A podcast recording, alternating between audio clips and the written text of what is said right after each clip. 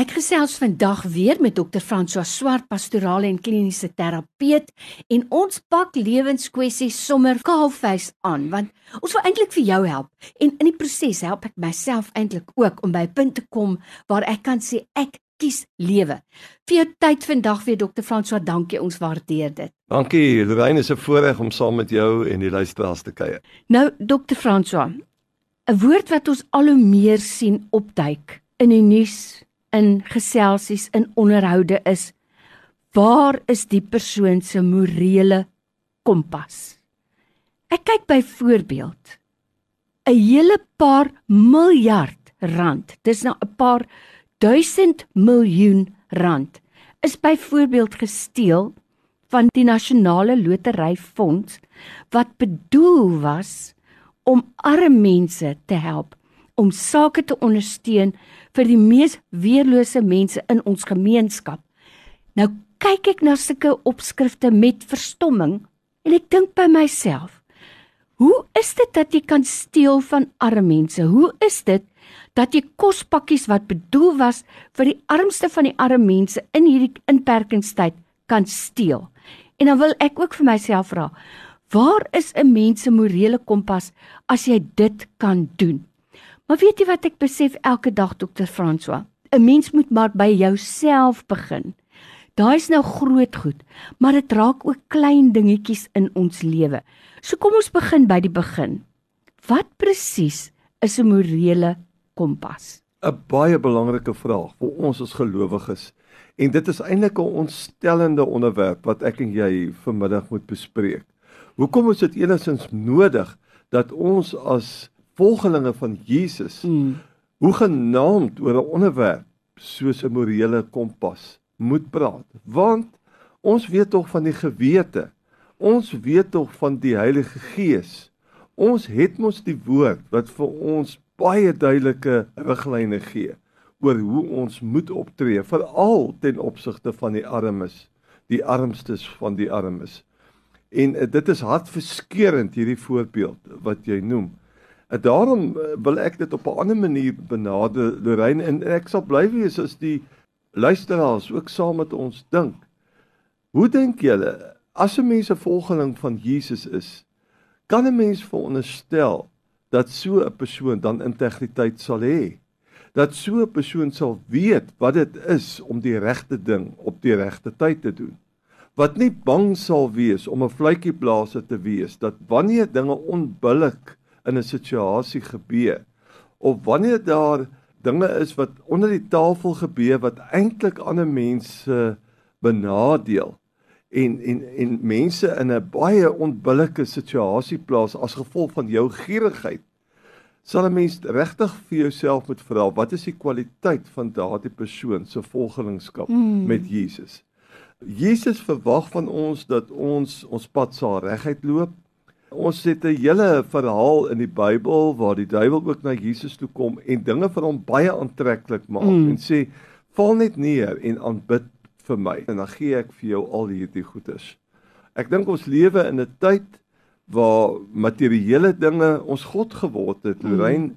en dat ons bereid is om totaal dit wat vir ons kosbaar is in terme van ons gewete, ons waardesisteme eenkant toe te gooi net om ons hande op goeders te plaas. En daarom dink ek ons gesprek is iets wat 'n mens ook na jou binnekamer toe moet neem en vir die Here moet gaan vra. Here, hoe voel u as ek Psalm 139 lees? As u my toets en deursoek, wat kry u by my? Mm. Het ek nog 'n gewete? Het ek nog 'n morele kompas? En as ek dit nie het nie, wil ek vra Here dat U dit vir my sal gee. Ek dink aan Koos de Plessis wat in sy liedjie gesing het elke afdraai paadjie ken ek. Sure. En die genade is daar dat as jy sukkel met jou morele kompas dat jy dit kan herstel. Maar dan dink ek moet jy weer jouself en jou gewete oorgee volledig aan jou Here en die persoonlike verhouding wat jy met hom het. By my in die ateljee is Dr. François Swart, kliniese en pastorale terapeut. En ons praat nou met jou oor jou morele kompas. Dr. François, ek dink nou byvoorbeeld aan 'n sinoniem amper vir morele kompas, integriteit, ook 'n woord wat jy nou nou net gebruik het. Maar dit kan ook insluit by klein dingetjies. Ek dink byvoorbeeld, 'n mens beloof iemand, "Man, as ek nou weer appelkoeskonfyt kook, bring ek vir jou 'n botteltjie." Of jy sê, "Ai man, ek is so jammer vir jou, ek gaan vir jou bid." Verstaan klein dingetjies. Met ander woorde, of jy vergeet of jy hou nie jou woord nie. Iets soos byvoorbeeld, as jy in 'n geselskap inkom waar iemand anders bespreek word en jy bly net stil. Integriteit. So, dit begin klein, nê. Hoe pak 'n mens dit aan? Want ek ek vir my amper voorstel dit moet 'n daaglikse bewuste besluit wees of hoe. Definitief en ek dink die Bybel is ook baie sterk daarop dat ons nie sommer beloftes moet maak as ons nie vir 'n feit weet dat ons dit kan nakom nie. Ons moenie goedkoop goedjies vir mense sê en vir hulle hoop bring, maar ons weet ons gaan eintlik nie daarby uitkom nie. Oh, Want dan is ons vals en daarom moet ons baie versigtig wees as ons vir mense hoop gee en vir hulle 'n ruimte wil oopmaak en sê ek gaan help dat jy hierdie ruimte kan betree en dan verdwyn jy net. Ek dink die B gedeelte wat jy op die tafel sit, dat 'n mens baie keer in gesprekke sit en dit gaan oor integriteit en jy hoor goed wat eintlik jy nie eers 'n opinie kan gee nie want jy weet nie eers of dit so is nie. Ons sal moet strategieë ontwikkel as gelowiges om net te sê, weet jy, ek kan nie saam praat met hierdie gesprek nie. Ek weet te min van hierdie persoon af, maar ek dink in elk geval ons ons moet maar lieweste praat met die persoon. Het jy al met die persoon self gepraat? En ons moenie huiwer om om vir persone te sê ek voel ongemaklik om nou hier saam te praat nie. Wat vir my interessant is in die nagmaalsformulier binne sekere kerklike tradisies is dat voordat jy die nagmaal gebruik, die brood en die wyn, dat jy eers jouself bewus maak van jou eie skadukante mm -hmm. en van die kante waarmee jy sukkel in jou lewe. En daar's een sinnetjie wat my altyd tref ook my sonde van versuim bring ek nou na u toe. Nou jy het niks verkeerd gedoen nie. Maar dis jy's die punt. Jy het nie iets gedoen toe jy eintlik iets moes gedoen het nie. Met ander woorde, dit wat jy geweet het wat reg was om te doen, het jy nie gedoen nie. En dit is net so 'n gruwel voor die aangesig van die Here. Mm. Ons werk altyd met die gedagte van Koram Deo om te lewe voor die aangesig van die Here. En wanneer ons hoor mense praat nie binne die liefdesbeginsel met mekaar en oor mekaar nie en ons bly stil is ons eintlik aandadig daaraan. Dit is 'n harde woord wat deur die Bybel na ons toe kom, maar dis iets waarna ons moet strewe en ons kan iets daaraan doen. Deur net te sê, ag kan ons nie maar oor iets anders te praat wat positief is nie. Nou dokter François ten slotte net dit Ek hou daarvan om af te sluit met die verandering gaan begin by myself eerste en dan hoe leer ons vir kinders om met integriteit te wandel want glo nou vir my jy hoef glad nie vir hulle te leer om te jok nie daai kom sommer net so van geboorte af nê nee? Ja, dit kom baie keer sommer outomaties en ek dink Paulus het al geworstel daarmee terwyl hy 'n ouer mens was. Ek mm. wil die goeie om nou net weer te ontdek. Ek het al weer die verkeerde ding gesê.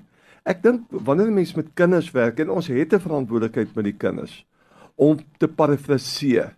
Mamma hoor, pappa hoor wat jy nou sê. Is dit en dit en dit en dit. En dan vragies te vra. Is dit presies hoe dit is? Of is daar 'n ander manier hoe ons ook daaroor kan praat? En dit ook dan op die tafel sit. En dan met 'n gesprek met die kind gaan en sê, nou kom ons gaan nou weer terug na wat jy oorspronklik gesê het.